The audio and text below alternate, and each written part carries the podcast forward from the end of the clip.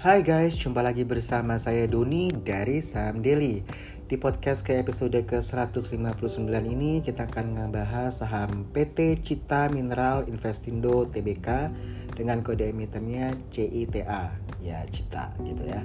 Di mana emiten tambang bauksit ini melakukan penjualan 6 kapal tongkang yang terletak di perairan Kendawangan, Jeti Kediuk Kalimantan Barat, Pelayaran Teluk Malano, Jeti Simpang Keramat Kalimantan Barat, dan Galangan Kapal Kalimantan Barat.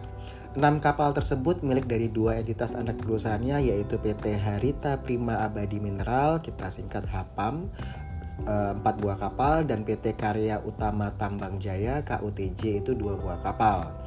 Kapal-kapal tersebut dijual ke PT 5 Sri Kandi Jaya atau LSJ dengan harga 34,05 eh, miliar rupiah. Hapam dan KUTJ ini serta LSJ memiliki pihak pengendali yang sama yaitu PT Harita Jaya Raya. Di Desember 2021 yang lalu, eh, PT Adaro Energi Tbk dengan kode emiten ADRO itu melalui anak usahanya yaitu PT Alam Tri Abadi membeli saham Cita sebanyak 145,6 juta saham senilai 358,76 miliar yang artinya Adro ini memiliki 3,7% saham Cita.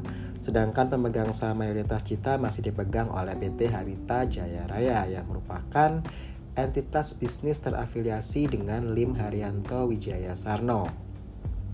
Adro ini berinvestasi di Cita dengan mempertimbangkan bisnis metalurgi, uh, metalurgical grade bauxite atau MGB dan smelter grade alumina yang merupakan bisnis yang bagus untuk jangka panjang.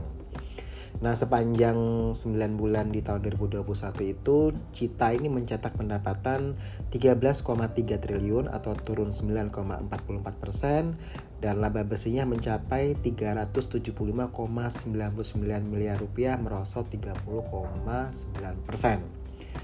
Cita ini kegiatan usahanya kan uh, untuk tambang bauksit dan produksi smelter grade alumina ya atau SGA melalui entitas asosiasi PT Well Harvest uh, Wining Alumina Refinery atau WHW.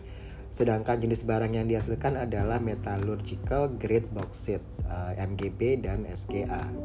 Terkait rencana pemerintah Indonesia yang akan menghentikan ekspor ekspor bauksit di akhir tahun 2022, ini akan berdampak positif bagi neraca perdagangan Indonesia, di mana investor harus membangun industri hilir bauksit yaitu smelter bauksit. Pemerintah sendiri menargetkan membangun 53 smelter pada tahun 2024 dan 20 smelter di antaranya telah beroperasi hingga 2021. Oke, ini mengenai cita ya memang banyak ditanyakan teman-teman ketika uh, ada row uh, masuk ke cita sebesar 3,7 persen. Gitu. So itu aja uh, review singkat kita mengenai saham Cita dan kita ingatkan lagi bahwa podcast ini tidak bertujuan untuk mengajak teman-teman membeli atau menjual saham tertentu. Keputusan investasi sepenuhnya ada di tangan teman-teman sendiri. Oke, okay? saya Doni dari Saham Daily.